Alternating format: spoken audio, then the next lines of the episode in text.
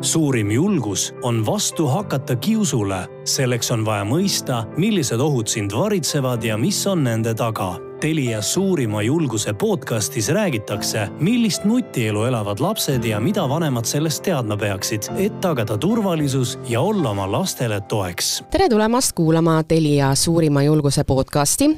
julgus on see, kui sa tabad ära nõrgemas seisus oleva kaaslase ja astud ka tema eest välja paraku on kiusamine kui selline eksisteerinud maast madalast ja nutimaailma pealetung ei ole seda kuidagi vähendanud. vastupidi, ja Eesti koolid ja lasteaiad on viimastel aastatel käivitanud mitmeid süsteeme, et siis märgata ja lahendada lastevahelisi probleeme mina olen Maris Järva ja kiusamise teemal olen täna kutsunud vestlema Kristiina Treiali, kes on Kiusamisvaba Kooli sisujuht ja rääkimas on ka Kertu Rannu, kes on noorõpetaja, tere tulemast! Tere! tere! no Kristiina, mis olukorras on praegu äh, Eesti lapsed, et kui suur see kiusamise probleem üldiselt on, sest äh, kõik teavad, mis on kiusamine, see on alati olnud, aga mis seisus me praegu oleme? no meil on praegusel hetkel ikkagi üsna hea ülevaade seda, sellest, kui palju meil koolis õpilasi kiusamise all kannatab ja see näitaja ei ole sugugi madal. ehk siis me võime üldiselt öelda, et iga viies laps põhikooli ajal saab öelda, et viimase paari kuu jooksul on mulle korduvalt kahju tekitatud kaaslaste poolt. et see on päris suur hulk kui me toome siia juurde küberkiusamise numbrid, siis äh, seda nii-öelda tavapärast klassikalist koolis toimuvat kiusamist on rohkem kui küberkiusamist, aga ka küberkiusamise näitajad nüüd äh, viimase paari aasta jooksul seoses Covidi ja distantsõppega tegelikult on tõusnud. ja, ja erinevate uuringute andmetel, kui enne Covidit oli see kuskil kolm-neli, viis protsenti põhikooliõpilastest ütles, et ma olen viimasel ajal kogenud küberkiusamist, siis nüüd on see kuus rohkem mm. -hmm. no küberkiusamise all võib isegi natukene oletada, et äh, millised need teemad on, aga, aga kuidas see üldiselt siis välja näeb? kas keegi filmib kedagi salaja, pannakse pilte, kommenteeritakse, et oled kole või ma ei tea, siit on midagi valesti, sealt on midagi nihu, et või, või kuidas see välja näeb üldiselt, mis need teemad on? no küberruumis teha, tekitatakse üksteisele ikkagi väga erineval moel kahju. me võime rääkida alates sellest, et klassi chatidest jäetakse kedagi välja meelega korduvalt, tehakse sõprusgruppide chat, jäetakse keegi demonstratiivselt sealt välja või visatakse välja. või siis räägitakse tema kohta seal inetult, nii et ta näeb seda ise pealt ja aga kuni selleni välja, et tehakse libakontosid, tehakse meeme, tehakse ebasobivaid videosid, pilte ja neid siis levitatakse netis ja noh, mis on nagu hästi karm selle küberkiusamise puhul, on see, et isegi kui võib-olla need lapsed, kes alguses mõtlesid, et oh, teeme nalja, et nii napakas pilt tuli, et paiskame selle nüüd sotsiaalmeediasse, ja isegi kui nad hiljem, hetk hiljem kahetsevad oma tegu ja võtavad selle sealt ära, siis see pilt tegelikult läheb juba oma elu elama mm. -hmm. ehk siis mis on nagu küberkiusamise puhul hästi kurb, on see, et seda peatada on väga-väga-väga keeruline. aga samas tundub, et seda on jälle kergem nii-öelda track ida või sellele jälile saada, et igast teost jääb justkui äh, jälg maha jah, sa saad trackida siis, kui sa tead, et midagi on toimunud. Äh, mis on küberkiusamise puhul keeruline, on üldse jälile saada, et midagi on toimunud, sellepärast et ühelt poolt hästi palju toimub kinnistes jutugruppides, äh, mänguchattides, arvutimänguchattides, mida võib-olla vanemad ja täiskasvanud nii väga ei pruugigi jälgida üldse, ja, ja noh, teine teema on see, et, et ka see postitused, need võivad minna niimoodi anonüümselt levima, et see, kelle pihta tehakse, esialgu üldse ei pruugigi teada ja see nii-öelda inetud videod, postitused võivad tulla tema juurde kuskilt ringiga, aga selleks on nad võib-olla nädalaid mm -hmm. ringelnud. nii et, et hiljem track ida jah, aga võib-olla kohe näpu pihta saada on väga keeruline. jaa, ma kujutan ette, et ka see aspekt, et äh, isegi kui ma tunnen, et äh, mul on nüüd kehv tunne selle pärast, et keegi on mind kuskilt välja jätnud või mingeid muid inetusi teinud, et et äh, jah, see on, see on ühelt poolt väga suur asi, aga teisalt tundub võib-olla piisavalt väike asi, et seda nüüd kuskile kaebama minna, et noh, et kuidas ma lähen õpetaja juurde näiteks, ütlen, et äh, mind jäeti nüüd välja. noh, ma ise tunnen, eks ju, et minu jaoks on see suur teema, aga võib-olla ei minda ka kurtma selliste asjade puhul kohe ja, ja sellepärast ongi väga-väga tähtis ennetustöö kiberkiusamise ärahoidmise juures. ehk siis äh, meil on vaja lastega täpselt läbi arutada, mis asi see on, kuidas seda ära tunda, saada aru, et jaa, just see ongi just see on ka kiusamine. ja, ja muuta hästi normaalseks see, et me saame täiskasvanutele sellest rääkida oma vanematele, oma õpetajatele, et see on nagu teema, millest on okei okay rääkida ja ongi vaja rääkida, sest muidu ei saa abi need, kes seda vajavad. Ja kui me nüüd vaatame ka neid lugusid, mis lahendusse tulevad ka koolides näiteks, siis enamasti nad tulevad läbi selle, et keegi kaaslastest on märganud, et see asi tegelikult on nüüd kiusamine, see ei ole okei okay, ja ta on julgenud kellelegi täiskasvanule rääkida, et just täpselt seesama suurim julgus on siin olnud ja siis saavad täiskasvanud hakata seda jälgi ajama, asja ajama ja tegelikult saavad ka abi need lapsed. minu enda laps läks äh, eelmisel või noh, nüüd jah, eelmisel aastal nüüd siis juba võib öelda esimesse klassi ja, ja, ja tema koolis on ka väga tugevalt äh, esil see kiusamisvaba kool. Ja kui ma esialgu ei teadnud väga täpselt, mis endast kujutab, noh, kõigil on mingisugune enam-vähem äh, kujutelm sellest, aga, aga seal räägiti sellest ja ma olin täiesti positiivselt äh, meelestatud sellest, mis ma kuulsin, kuidas neid asju lahendatakse, sest äh, ma ei teadnud, et neid asju võetaksegi nii-öelda äh, juhtum juhtumi kaupa konkreetselt ette, vesteldakse lastega, et ei ole nii, et lihtsalt levitame brošüüre ja ütleme, et vot-vot, eks ju, et ikkagi see kõik algab klassi tasandilt, õpilased ise märkavad, klassijuhatajad märkavad. Ja mida varem siis lapsed teavad, seda varem nad teavad, et mingeid asju oskavadki märgata ja sellest siis nagu rääkida. et see on hästi tore, kui, kui laialt äh, need programmid koolides levinud on ja kuidas nad üldse vastu võetud on? no Kiva programm, mis on selline korralik teadus- ja tõenduspõhine ja kogu põhikooliülene programm, see on hetkel kuskil neljandikus Eesti koolidest, et sada kolmteist kooli või kokku sada kakskümmend õppekohta koolidel. et äh, see on siis tegelikult ühel või teisel moel on Kiva programmiga hetkel kokku puutumas üle neljakümne tuhande õpilase Eestis, mis on tegelikult päris oluline ja, ja no mis muidugi, kui me toome siia ka kasu, programmi kasu küberkiusamise vähendamise puhul, siis Kiva programmil on uuringutega näidatud mõju ka küberkiusamise vähendamisele umbes samal määral kui päriselt koolis toimuvale kiusamisele. ehk siis, kui me võtame küberkiusamise ja tavalise koolis toimuva kiusamise, siis nad reeglina on seotud, need ei ole eraldiseisvad nähtused, suur osa küberkiusamise lugudest tegelikult on siis kas koolis toimuva jätk või jätkub koolis ja, ja kui meil õnnestub tõesti koolis äh, aidata luua neid turvalisi, hoolivaid, hoidvaid suhteid, teadlikkust kiusamisest ja sellest, kuidas sellele konstruktiivselt reageerida, siis see aitab ära hoida ka küberkiusamist. jah, äh, Kristiina, sa enne mainisidki äh, küberkiusamist, noh, sellest saab nagu aru enam-vähem, et mis see on, aga aga, aga suurem protsent ikkagi pidi olema ka see tavakiusamine, et millest see kõige rohkem väljendub? No jällegi, siin on väga palju erinevaid nägusid, ehk siis äh, väga palju võimalusi, kuidas äh, inimesed üksteisele kahju saavad tekitada. mida me võib-olla kooliealistel kõige rohkem näeme, väiksematel on sellist füüsilist nügimist, müksimist, kinnihoidmist, ebamuga-, asjade lõhkumist, ebamugavuse tekitamist, asjade peitmist. Äh, üsna sama palju on ka sõnalist haiget tegemist, solvamist, ähvardamist, mõnitamist, inetute nimede kasutamist.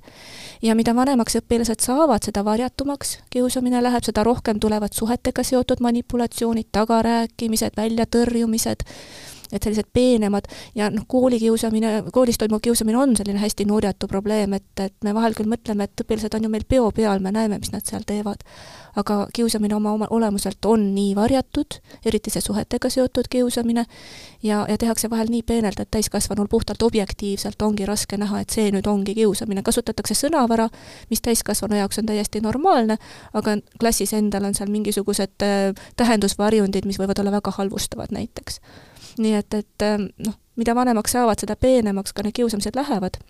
sagedust jääb küll vähemaks, aga näiteks mida meie oma Kiusamisvaba Kooli uuringutest näeme, on see, et kui me vaatame kiusamist kolmandas kooliastmes, vanusegrupis, kus on suhted hästi-hästi olulised. kolmas kooliaste on siis see on siin äh, mis... seitse, seitse kuni üheksa -hmm. klass, jah et, äh, et seal on küll kannatavaid õpilasi mõne, mõnevõrra vähem, kui neid on nooremates vanuseastmetes, aga need, kes on kannatanud, äh, pooled neist ütlevad, et nad on tegelikult kannatanud pikalt, aasta või rohkem. ehk siis noh, ta muutub küll harvemaks, aga ta on väga tõsine probleem ka vanemate õpilaste hulgas mm -hmm. ja väga varjatud probleem. Kertu, sina oled äh, koolis ise õpetaja aga, aga sa oled noor õpetaja, et oled jõudnud siis seda ametit pidada, aga samas ikkagi ma ei tea, äkki võib kahel käel äh, üles lugeda mõned aastad tagasi, kui sa ka ikkagi ise olid õpilane. et äh, kuidas äh, sina oled selle kiusamisteemaga kokku puutunud, sest noh, võtame niisugune kümme-viisteist aastat, see on ikkagi suhteliselt noh, niisugune värske aeg, et, et kui suuremat pilti vaadata, et et kuidas sa oled ise sellega kokku puutunud nii koolis kui internetis? No mina olen kahekümne kahe aastane ja, ja minu põhikooli ajast ei ole tegelikult ju väga palju aega möödas mm -hmm., samuti gümnaasiumist ja ma praegu käin ülikoolis.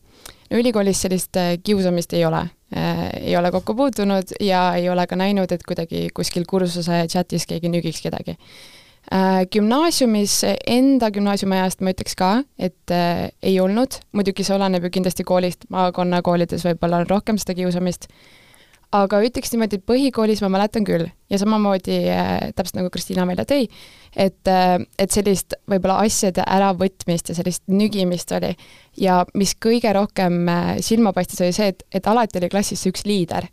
ja kõik, kõik teised tahtsid olla nagu tema ja käituda samamoodi, nagu tema käitus. et et see see on nagu mul hästi värskelt meeles, mida ma praegu tudengina ja kooliõpetajana näen on äh, võib-olla see, et ma jälgin väga palju TikToki ja ma jälgin väga palju sotsiaalmeediakanaleid ja ma tooksin välja võib-olla TikTokist äh, sellise äh, kuidas siis öelda, anonüümsed kasutajad suvaliste nimedega kiusavad, ütlevad halvasti. ja kui sul see üks kasutaja võib-olla jõuab politseini, siis sa teed järgmise kasutaja, kus sa käi-, jätkad samasuguse käitumismustriga. ehk siis põhimõtteliselt see on nagu minu arust kõige suurem ja hullem probleem ja mis seal juhtub, on see, et kui üks kommenteerib, siis kommenteerivad teised ka. ja ma ütlekski, et, et noh, seal ei ole nagu mingisugust äh, ma ei tea, suuremat või paremat võluvitsa, mis aitaks seda kõike kontrolli all hoida. aga mida tuleks nagu lastele ja noortele kindlasti öelda, on see, et, et mida sina teha saad, on see, et sa raporteerid. sa annad teada täiskasvanule, sa annad teada politseile, neti, netipolitseile, sa annad teada kas või sealsamas sotsiaalmeediakanalis, vajutad seda raporteerimisnuppu ja, ja sellisel juhul see ähm, kuidas ma siis ütlen, platvorm vaatab mm -hmm. siis üle, et kas see käitumine on okei okay,, ei ole, kas see kommentaar on okei okay,, ei ole äh,, see sisu, mis sa postitad, kas see on okei okay või ei ole. et, äh, et selliseid käitumismustreid on väga-väga palju ja ma, ja tegelikult kui me vaatame kaugemale, siis asi ei ole ainult noortes. on olemas ka need kibestunud täiskasvanud, kes äh, on Facebooki kommentaariumites, kes on uudisteportaalide kommentaariumites noh, ja see ju näitab seda, et ikkagi ma julgen väita, et, et kodu on inimese peegel. ja see, et see, et mis on sinu väärtused, kust sa tuled, kuidas sa oled üles kasvanud, et see käib sinuga nagu terve elu kaasas. ja see, et, et keegi teine võib-olla ei ei ütle sulle, et kuule, et see ei ole okei okay,, kuidas mm -hmm. sa mhm. käitud, on ju, sa jätkad kogu aeg seda mustrit ja siis me levitame seda teistele ja teised lähevad sellega kaasa. Jah, see on äh, hea koht praegu, Kertu, kuhu sa jõudsid, et ma enne mõtlesin sama asja, et äh, okei okay,, meil on need programmid ja, ja tõesti neid äh, lahendatakse väga väga noh, süvitsi ikkagi võib öelda, et, et hakatakse seal detailides pihta, aga oletame, et me oleme nüüd aru saanud, et on mingisugune probleem ja oleme aru saanud ka, kes on siis nii-öelda see liider ja kes seal kõike seal kõige rohkem ussitab, siis kuidas kuidas nendele liidritele selgeks teha siis, noh loomulikult jah, me saame öelda ja näppu vibutada, et kuule, nii ei tehta, aga kui paljud neist nagu tegelikult ka aru saavad ja oma käitumist muudavad või, või sisimas ikkagi nagu jääb see, see selline joon? No kui me nüüd vaatame natukene lähemalt seda küsimust näiteks, et miks üldse üks laps hakkab teisi kiusama või üks noor hakkab teisi kiusama, siis seal on väga selged vajadused reeglina taga. Ehm, vajadus olla tunnustatud, vajadus olla oluline, väärtustatud kaaslaste hulgas, vajadus saada tähelepanu, mõnikord ka põnevus, ei saa salata. ja, ja neid asju ja vahel väga inetuid asju tehakse just nendesamade vajaduste pärast nüüd ähm, kui vaadata, kuidas lahendada edukalt juhtumeid, siis ähm, reeglina need, kes teevad, saavad ise ka aru, et see, mis nad teevad, ei ole päris okei okay ja, ja kui täiskasvanud sekkuvad, sellele tähelepanu juhivad ja ütlevad, et sina saad aidata seda lugu lahendada, lahenduskeskselt lähenevad, et, et siis, siis see reeglina ka lõpeb, sest väga väike osa kiusajatest on need, kes on nii-öelda päris nagu üdini pahatahtlikud või kellel on mingid mm -hmm. väga sügavad probleemid, miks nad teisele, leiavad, et teisele haiget tegemine on mõistlik nii et enamasti need sellised noh, tähelepanu juhtimine ja lahenduste koos otsimine on juba, juba abistab ja ma saan aru, selle kiusamisvaba kooli puhul vist on see ka, et, et äh, noh, selle mm, kiusuallikani siis äh, temani jõutakse ka justkui nagu heaga. et see ei ja. ole see, et äh, sul on mingi märkus ja sa nüüd mine, ma ei tea, nurka ja miks sa nii tegid ja selline mm -hmm. pragamine, vaid vaid tõesti nagu räägitakse ja, ja rahulikult ja see nagu annab lootust, et siis jõuab ka see info kohale. just, et minnakse lahenduskeskselt ja suhteid taastavalt ja kaasatakse tegelikult ka kogu klass selles mõttes, et et kui sul on klassis ikkagi tõsine kiusamine sees, siis kõik on häiritud ja kõik tegelikult tahavad rahu tagasi saada, samamoodi ka see kiusaja ise. ja siis otsitaksegi ühiselt lahendusi, et kuidas seda rahu tagus, tagasi saada ja enamasti see töötab väga hästi mm. -hmm. nüüd on need lood, kus äh, see mingil põhjusel ei aita, kas siis ei ole tegija motiveeritud ennast muutma või, või klassis ei suudeta dünaamikat muuta, et siis tulevad sisse need natukene rangemad ja karistuslikumad sekkumised, aga ennekõike jah, esmalt alustame ikkagi lahendavalt ja taastavalt. nüüd ähm, miks karistust mitte kohe teha, et vahel ka meil koolid kurdavad, et lapsevanemad nagu nõuavad, et vot kiusaja peab karistuse saama.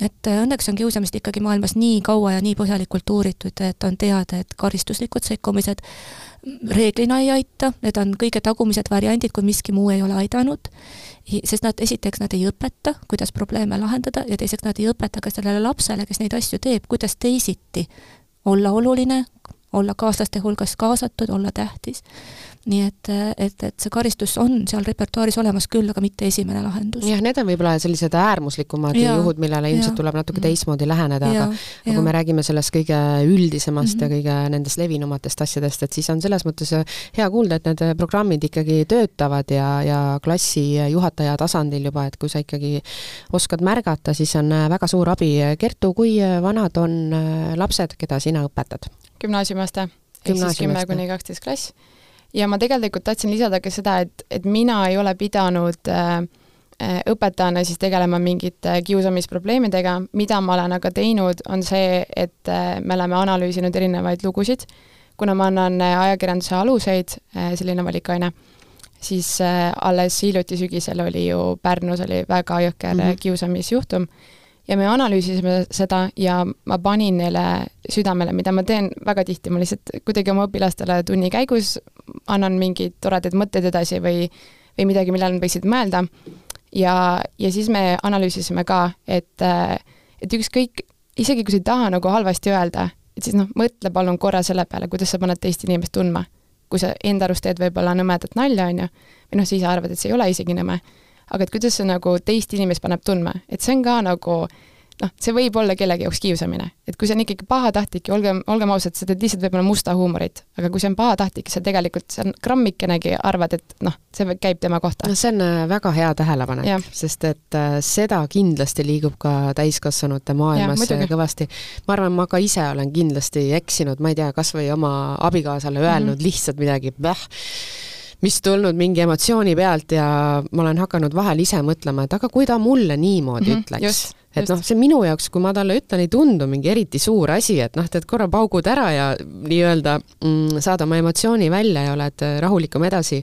aga jah, et kui ta mulle ka nii ütleks, et mulle tõesti selline toon ei meeldiks, et, äh, et tõesti igapäevaselt jälgida mingeid selliseid äh, ütlemisi on hea tähelepanek. kas te vanaema reeglit teate? ei vähemalt mitte, mitte sellise nimetuse all. küberruumis postitamisel, seda jagas meiega üks hästi tore äh, inimene, kes on doktoritöö teinud küberkiusamisest Eestis, Karin Aruskov. ja ütles, et vanaema reegel on selline, et kui sa küberruumi midagi postitad, pilti, sõnumit, ja kui sa mõtled, et ka sinu vanaemal on okei okay seda näha, siis postita mm. -hmm. aga kui sul tekib kõhtlus, et vanaema võib vaadata seda kuidagi noh, võib talle halvasti mm -hmm. mõjuda, siis jäta tegemata mm. -hmm. no, no jälle väga hea väga hea asi, mida, mida tähele panna, et lastel on lihtne mõte, mõista seda, eks ole. jah, või ja. samamoodi laiendada seda kas või pere peale, et noh, et kui ema, ema-isa näevad, eks, et noh, mm, ma, ma suudan ka oma igapäevaelust leida mingisuguseid asju, mis on okei okay,, mis mul ema-isa kuulevad, või siis mingisugused asjad, mida ma ei sooviks. aga kusjuures, kui tulla nüüd tagasi nende juhtumite juurde, mida te õpilastega lahkasite klassis, kas te jõudsite ka selleni, et ähm, mis, mis mõjuga võib olla see, kui neid videosid hiljem ja pilte hiljem nagu sotsiaalmeedias ja meedias levitati? loomulikult äh, minu, minu põhiline point oli üldsegi see, et mida ajakirjandus tegi valesti, oli see, et ta levitas neid videosid, ta aitas levitada neid.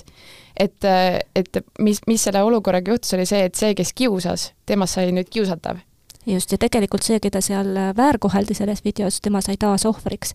ehk siis äh, mis on küberkiusamise puhul võib-olla omapära, on see, et äh, kiusamine on alati tahtlik, küberkiusamise puhul alati ei pea olema see tahtlus olla kahju tekitav, vaid et tõesti me tahame näiteks õiglust jalule seada, nagu antud näite puhul. aga sellest sünnib kahju ja küberkiusamist defineeritakse läbi selle sihtmärgile tekkiva kahju jällegi, see vajab, vajab teatud tarkust, et seda kõigepealt taibata, sest ilmselt need inimesed, no me räägime siis juhtumist, kus Pärnus kamp noori võib öelda, et ümitasid teist noort ja käis seal selline kõva alandamine. et kes sellest nagu raporteerisid, nemad justkui tahavad, tahavad head, eks ju, et selline asi ei, ei ole tolereeritav isegi mäletan äh,, olin sellel hommikul raadioeetris tööl ja hakkas tulema kirju, et äh, vaadake, mis toimub ja, ja rääkige sellest. aga see ei ole äh, selle programmi kohane teema, mida seal niimoodi heast peast arutama hakata ja siis see jäi sinnapaika, aga, aga päevapeale oli sellest ikka igal pool kuulda. Ja mis oli huvitav, tegelikult see lugu ju arenes ise edasi et isegi kui ajakirjandus ei öelnud, kes olid need kiusajad ja keda kiusati mm, -hmm. vaid mhm. see tuli nagu ise sotsiaalmeedias välja mm. -hmm. et teised hakkasid rääkima, Eesti on väga väike, on ju, et see tegelikult, see kahju, mis tekitati, ma arvan, et kõigile, no see on nagu täiesti ja selle, kusjuures on olemas täiesti omaette küberkiusamise liik on doxing, kus siis avaldataksegi inimeste kohta nende isikuandmeid, aadresse, eesmärgiga neid haavatavasse olukorda panna. Näiteks mängutšattides tehakse seda, kui tahetakse keegi, kedagi vastasmängijat väga heidutada jällegi, äh, mida see kübermaailm meile toonud on, et ajakirjandus võib olla eetiline ja ja nad ei toonudki neid äh, laste ja kiusajate nimesid välja just sel samal põhjusel, et mis lumepall siit veerema läheb, aga, aga selleks ajaks on juba kõik nimed ja, ja screenshot'id juba igal pool olemas. aga tuleme tagasi selle kooli äh, tasandi juurde, mina olen kuulnud seda, et ähm, oi, et su laps käib esimeses klassis, et ah oh,, praegu pole midagi ja tead, teine klass ka veel pole midagi, aga tead, kui ta äh, sinna viiendasse klassi välja jõuab, et siis pane ennast valmis. et äh, kuidas te seda kommenteerite, kas, kas on tõesti põhjust äh, karta või mis siis äh, lastega muutub, et ma saan aru, et siis see võib-olla selline väike nügimise ja lihtsalt mingi segadust tekitav norimiste faas läheb üle siis pisut peenemaks no eks ta peenemaks läheb, aga samas küberkiusamine tuleb kohe teemaks, nii kui lapsed nutiseadmed kätte saavad. näiteks esimese klassi reeglina laps läheb juba oma telefoniga ja tulevad esimesed pildid, esimesed postitused ja see, et, et sotsiaalmeedia platvormidel on vanusepiirang, ega sellest väga kinni ei peeta. nii et tegelikult äh, küberruumis toimuvast, sellest ohtudest on mõistlik rääkida juba lasteaias täiesti rahulikult ja, ja kui laps oma telefoni saab, siis noh, sisuliselt me laseme lapse ju liiklusesse. ehk siis me, meil tuleb ka need asjad läbi rääkida, et mis, mis on mõistlik ja kasulik teha ja mida sa peaksid oma turvalisuse huvides silmas pidama ja, ja aga väga raske on seda lasteaia lapsele ikkagi seletada mm. -hmm ma olen ise selle läbi teinud, kuivõrd äh, laps, ma ei, ma ei mäleta, kuidas see täpselt oli, küsis kuhugi mingit ligipääsu, aa ei, see oli see, et ema tahtis kommenteerima hakata kuskil midagi, aga noh, umbes selles mõttes, et, et äh, lahe või ilus või aga ma ütlesin, et ei, ei tohi kommenteerida, et kui sa väga tahad, sa võid vaadata neid mingeid asju, noh, kui ma enam-vähem tean seal, mis ta ikkagi vaatab, aga et mitte kuhugi sa mitte midagi ei kirjuta ja ta ei saanud aru, miks ta ei või.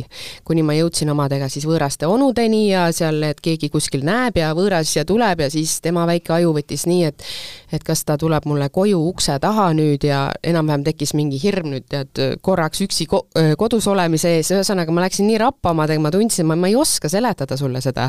ja siis lõpuks sai see, et ühesõnaga nii on, sa ei tohi ja kui sa saad suuremaks, siis sa tohid ja siis räägime sellest uuesti. just, ehk siis ongi seesamane netikett, eks ole, kuidas ma käitun internetis, kui ma postitan, okei okay,, ma neid kenasid äh, tänusõnu ja neid ma ju võin postitada, aga jällegi, kuidas ma teen, milline on see anonüümsuse aste, milline see turvalisuse aste on, kas ma olen seal oma täisnimega ja vanusega, eks ole. et seda kõike saab hästi lähedalt uurida, see on pikk teekond. ja ega me võib-olla täiskasvanutena ka alati kõiki neid äh, nüansse ei tea ja, ja alati hoida ei oska ennast, eks vanemad, täiskasvanudki siin on sattunud küberkelmuste ohvriks ja nii, niimoodi. aga, aga see on pikk teekond, mida vahel on vanemal koos lapsega tore avastama hakata otsast. et mina oma poiste pealt, mul on kokku kolm poissi, Nendest kaks juba tunnevad nuti vastu huvi, et, et me ikkagi avastame aeg-ajalt, et mismoodi need asjad toimivad, aga see on pikk teekond ka minul käia nendega koos jah, sest väga, väga keeruline on selgitada, et kui ta tahab sinna kirjutada, ma ei tea, iluseks näiteks, et noh, miks ta nüüd ei või seda teha, aga, aga ei ole vaja juba, et sinust mingi märk jääb maha ja sa kuhugi sinna midagi kirjutad ja pärast keegi kirjutab sulle, ma ei tea, mingi kole sinna otsa enam-vähem, eks ju, siis on juba mingi segadus, et -hmm. et mis toimub, et et lihtsalt äh, nii kaua eemal hoida kui võimalik, aga aga ega see ei ole kõige lihtsam. ja, ja eks tegelikult õpetajad ja, ja Eestis on neid eh, teisi liikumisi veel, kes just ka seda internetitarkust ikkagi mänguliselt aitavad lastel õppida. et seda tuleb järjest rohkem ja, ja, ja niimoodi me targemaks saame ühes oma lastega kasvades tegelikult. no ja Kertu puhul muidugi hea näide, et eh, noor inimene, sa tead sellest kõike, sa oskad tähelepanu pöörata, lapsed kuulavad noori inimesi, et aga mingites tasandites ja klassides tõenäoliselt see teema võib keerulisem olla, kui, kui õpetaja ei tea ise näiteks, mis asi on TikTok jaa, muidugi. loomulikult selles mõttes, et mina ikkagi teen väga palju teavitustööd selle kohta, et mis, mis te nagu internetti postitate. isegi kui nad on gümnaasiumiaasta, nad teavad, et nendest jääb jälg maha, siis ikkagi mina olen see, kes tuletab neile meelde, et kõik, mis te postitate, teete, sellest jääb märk maha. et samamoodi, kui nad hakkavad minema ülikooli, hakkavad äh, astuma tööturule, et, et ma pidevalt tuletan neile meelde, et, et see kuvand, mis sinust internetis jääb, et see jääb sinuga noh, igaveseks mm. -hmm. et kas sul on vaja jagada mingeid, ma ei tea, no kas ütleme loosimänge on ju, et see ei ole mingi halb asi, aga et lihtsalt, et mida puhtamana sa hoiad, seda, seda parem on, et su maine ikkagi mingil määral, kui teine, keegi teine võõras inimene vaatab sind internetis, mis mulje sa talle jätad. et see on minu arust hästi mm -hmm. oluline jaa, ja tõepoolest see, see mulje jääb.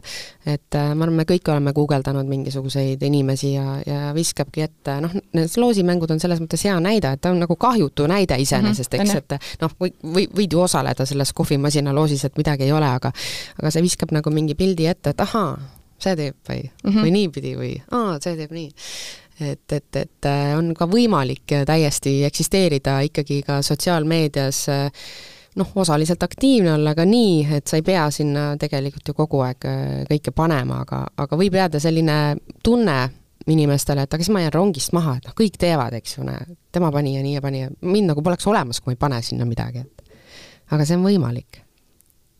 ma tooksin näite oma venna lapsest, et temale ma olen ka öelnud, et noh, tema avastas alles hiljuti TikToki ja, ja noh, nad vist nagu sõpradega tahavad sinna mingisuguseid videosid teha noh, ja siis sul on ju variant, et kas sa teed nagu privaatselt, et ainult sina näed seda, või siis sa paned selle avalikuks. ja, ja ma olen ikkagi noh, jälginud, et, et kuhugile midagi nagu ei postitaks.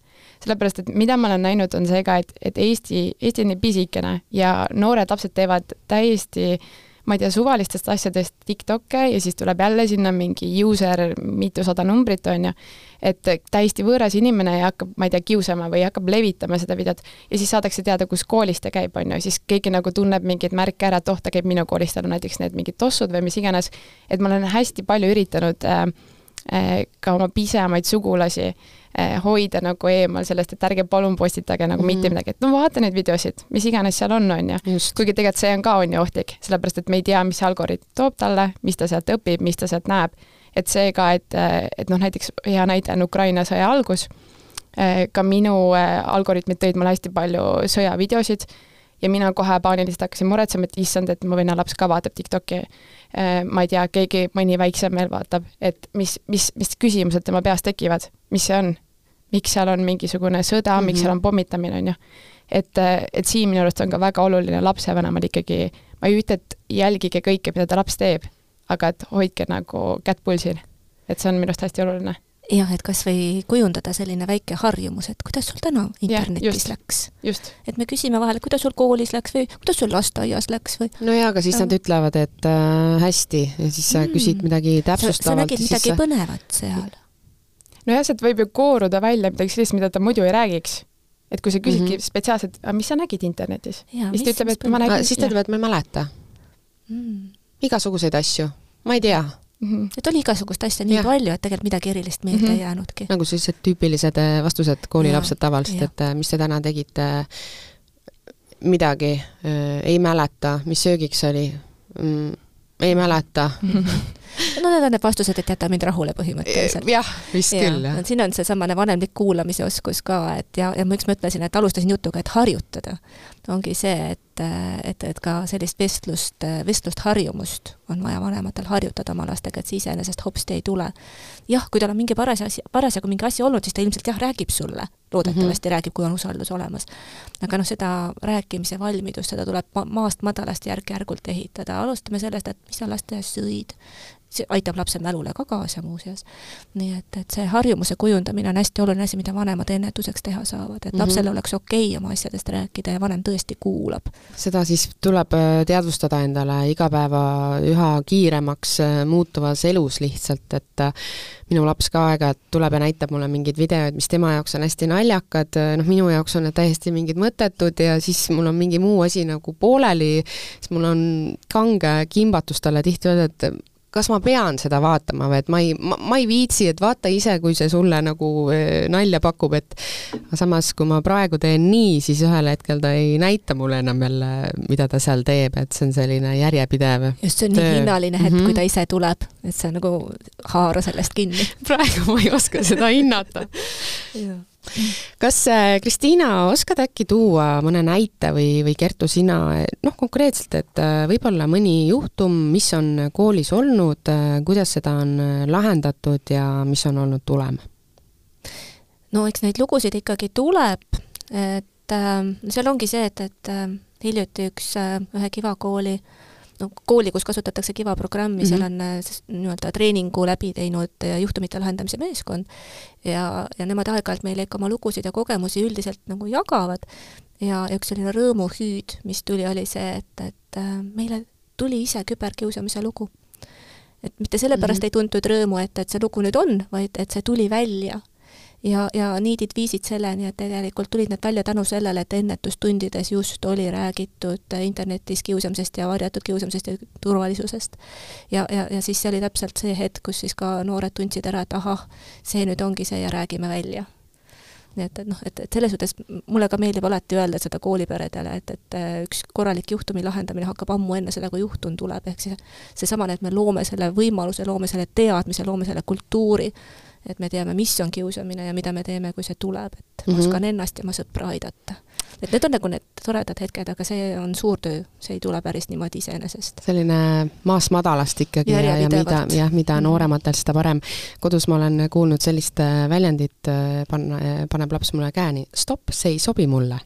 et, et nende Kiva programmi juhendajad ütlesid, et kui on mida iganes siin klassis toimub, siis sina ütled kohe, stopp, see ei sobi mulle ma olen selle nagu üle võtnud kui ma tunnen ja, kodus vahel, et igalühel meil on piirid, eks ole, mhm. ja, ja. alguses tegi noh, heas mõttes nagu nalja, lõpuks äh, jääb külge. stopp, see ei sobi mulle. Äh, Kristiina Treial ja Kertu Rannu, äh, aitäh teile rääkimast sel teemal, väga tänuväärne töö on see, mis te teete ja eks siis märkame ja aitame ja tõenäoliselt võib see olla ka mõnele inimesele, mõnele noorele lausa elu ja surma küsimus. aitäh! aitäh! aitäh! suurim julgus on vastu hakata kiusule, selleks on vaja mõista, millised ohud sind varitsevad ja mis on nende taga Telia suurima julguse podcastis räägitakse, millist nutielu elavad lapsed ja mida vanemad sellest teadma peaksid, et tagada turvalisus ja olla oma lastele toeks